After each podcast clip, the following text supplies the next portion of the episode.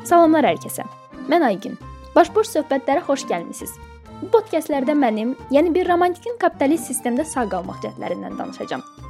Epizod 3. Qazanmaq üçün itirdiklərimiz. Kapitalizm nədir? Hər kəsə salam. Deyəsən mənim səsim tutulub. Ümumiyyətlə deyəsən mən xəstələnmişəm. Amma ümid eləyirəm ki, bu podkastı bazar günü yayınlayıram, çünki bazar günü üçün planlamışdım. Ümid eləyirəm ki, yayınlamışam. Yayınlamamışamsa özümə başqa sözüm yoxdur. Nəysə, əgər yayınlamışamsa, həftə sonunuz qəşəng keçsin. Yayınlamamışamsa ya da siz həftə içi dinləyirsinizsə, ümid edirəm gününüz qəşəng keçər. Nəysə, bu gün pul qazanmaqdan danışacağıq. İstədim sadə birbaşa mövzuya giriş olmasın, biraz ətraflı danışım. Pul qazanmaqdan, yəni kapitalist sistemdə pul qazanmaqdan, özündən vaz keçmədən, sevdiyin işi görərək pul qazanmaqdan danışmaq istəyirəm biraz. Çünki son vaxtlar mənim beynimi ən çox məşğul edən mövzu pul qazanmaq mövzusudur. Mən pul qazanmağı çox sevirəm. Yəni pulu sevmək ayrı məsələdir. Mən pul qazanmağı və xərcləməyi sevirəm. Pulun özünü sevirəm desəz, bilmirəm. Bu sual biraz qəribədir. Ona qarşı xüsusi hissim yoxdur. Varlığı çox insan kimi həyatımı rahatlaşdırır. Yoxluğu adətən problem yaratmalıdır, amma məndə çox da yaratmayıb. Məni çox da yaxşı tanımayan insanlar bu mövzuda belə bir diaqnoz qoyur ki, məsuliyyətlərim azdır. Ona görə pulumun olmamağı məni çox da təsirləndirmir. Amma məsələ çox da belə deyil, yəni ən azından məncə. Challenge-ları, oyunları çox sevirəm mən. Sıfıra düşmək, oradan qalxmaq mənim üçün özümlə yarış kimi olub adətən.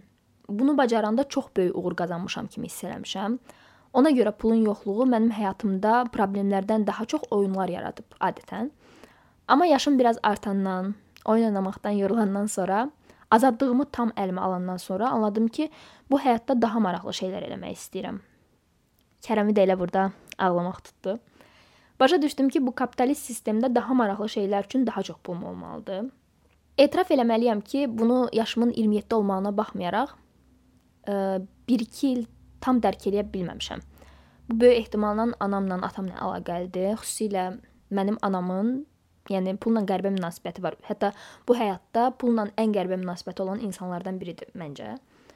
Onun xoşbəxt olub olmamağının, ümumiyyətlə hisslərinin heç vaxt pulla əlaqəsi olmayıb. Yəni ona görə də mən də gördüyümü öyrənmişəm. İstədiyim həmişə sadəcə xoşbəxt və yaxşı hiss eləmək olub. Ə, həm də bilmişəm ki, bu pulun varlığı, yoxluğu, azlığı, çoxluğu ilə əlaqəli deyil.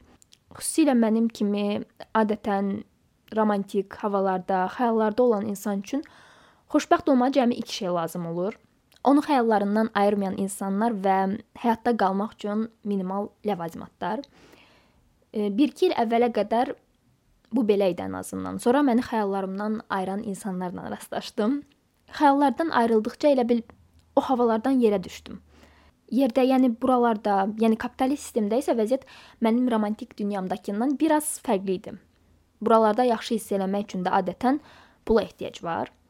Bunu başa düşən, öz balaca dünyasında çox xoşbəxt, rahat olan, adətən optimist olan mən üçün açığı bu da çox böyük problem deyildi. Yəni əslində problem idi, amma hələ ki mənim xəbərim yox idi. Pul qazanmağı da oyuna çevirmək ola bilərdi. Xəyallar aləmində çox da realist olmayan insanlar üçün belə məsələlər asan həll oluna bilən işlərdir. Çünki bu cür insanlar üçün bu həyatda hər şey mümkündür. İstədiyin hər şeyi eləyə bilərsən. İstədiyin hər şeyi ala bilərsən. Sən yetər ki, istə. Bacarmayacağın heç nə yoxdur, bla bla bla. Yəni 90-ların uşaqları bu özünü inkişaf kitabları ilə kifayət qədər yaxından tanışdı məncə deməyimə ehtiyac yoxdur. Bu əslində içi çox da dolu olmayan, daha doğrusu içinin nələrlə dolu olduğunu bilmədiyim inanclar mənim də beynimi doldurmuşdu. Bu əslində pis inanc da deyil. Yəni insanların yaşadıqlarının inandıqları ilə formalaşdığına inanırsınızsa, hətta əladır. Hər şey edə biləcəyinə inanmaq, yəni super, çox qəşəngdir. Yəni demək istədiyim o deyil ki, insan istədiyi hər şeyi bacara bilməz. Bunu demək mənim həddimə də deyil onsuz. Mən hər şey istəməmişəm bu həyatdan. İstədiyim şeylərdə hərdən bacarmışam, hərdən yox. Yəni bacarmadıqlarım olanda da deyirlər ki, onu kifayət qədər istəməmişəm. Bilmirəm yəni. O şəxsi inkişaf kitablarında yazılanlar tamamilə doğru da ola bilər, tamamilə yanlış da ola bilər, bəziləri doğru, bəziləri yanlış da ola bilər. Məsələ də o deyil. Yəni məsələ bacarmaq deyil. Son günlərdə anladığım məni pul barədə bu qədər düşündürən məsələ də elə budur əslində. Məsələnin bacarmaqdan daha çox onu necə bacarmalı olduğumuz. Hə, deməli belə. Gəlin sizə biraz əvvəlini danışım bu mövzunun. Pul qazanmaq üçün elədiyim ilk şey 21 yaşımda bir işə düzəlmək olub. Universitet vaxtında da kiçik cəhdlərim olub, amma onları çox da nəzərə almaq olmaz məncə.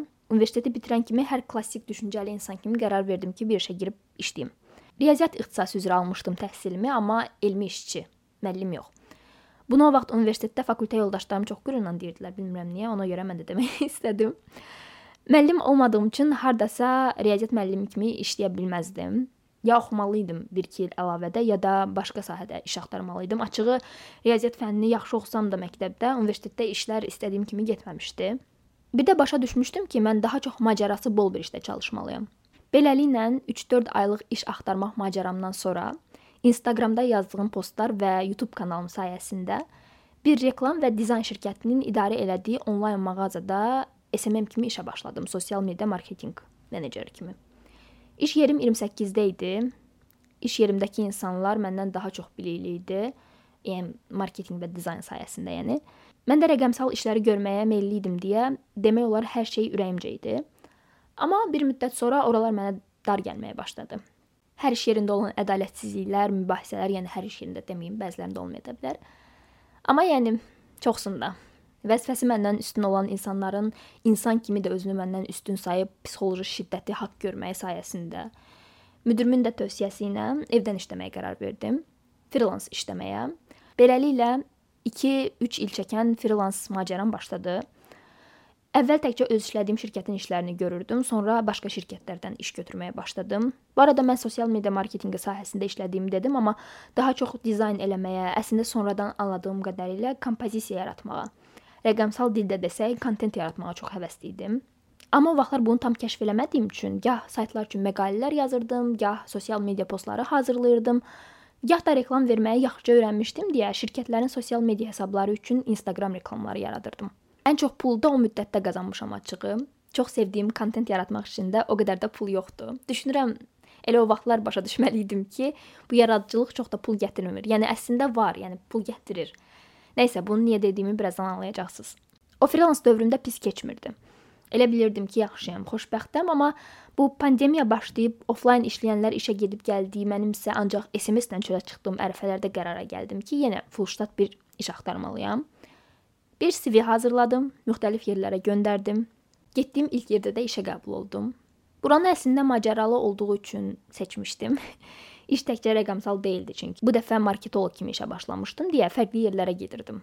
Yeni insanlarla tanış olurdum, şirkət rəhbərləri ilə. Yəni buralarda müəyyən qədər nələrsə bacarmış insanlar görürdüm. Amma bu macəra da xəyallarımdakı filmlərdə gördüyüm kimi olmadı çox da.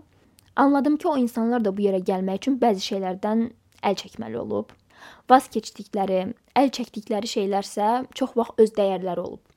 O istədikləri şeyləri qazanıblar, amma həm də çox şey itiriblər. Mənə görə çox vacib şeyləri. Mənsə bunu istəmirəm. Böyük ehtimalla ya onlar çox xəyalpərəst deyillər, ya da mən həddən artıq romantikam ki, düşündüm ki, başqa cür də ola bilər. Bunun başqa yolu da olmalıdır. İnsan itirmədən olmasa da, inandığı böyük dəyərləri ən azından itirmədən də qazana bilər. Hə, canım virtual dostlarım. Sırf bu inancıma sığınıb o işdən də çıxdım. Ondan sonrasını ilk podkastımda danışmışdım deyə sizi çox yormaq istəmirəm. Qısaca deyim ki, Bu gün gördüyüm bu işə başladım. Sosial mediada kontent yaratmaq, özüm üçün kontent yaratmaq işinə. Burdan pul qazanmaq çox qəşəng olacaqdı. Yəni xəyallarımdakı kimi olacaqdı hər şey. Çünki mən həm yaradıcılığımı işə salacaqdım, ən sevdiyim şeyi eləyəcəkdim. Həm bunu eləyəndə çox insan tərəfindən görünə biləcəkdim ki, bu da mənim üçün çox vacibdir. Yəni bunun vacibliyi əslində mənim xarakterimlə əlaqəlidir. Beləliklə həm görülmək və sevilmək ehtiyacımı ödəyəcək, həm də pul qazanacaqdım. Üstəlik bunu əlimdən ən yaxşı gələn şeyi, kontent yaratmaq işini görərək eləyəcəkdim. Bacardım deyə soruşsaz, ilk podkastımda da dediyim kimi, deyəsən bacarmağın lap başlanğıcındayam, amma 1 ildən çoxdur ki, bu işləri görüb həyatımı qazanıramsa təkcə bacarmış sayıla bilərəm. Sadəcə bir məsələ də var. Bu gün məni podkastı yaratmağa məcbur eləyən bir məsələ kapitalizm.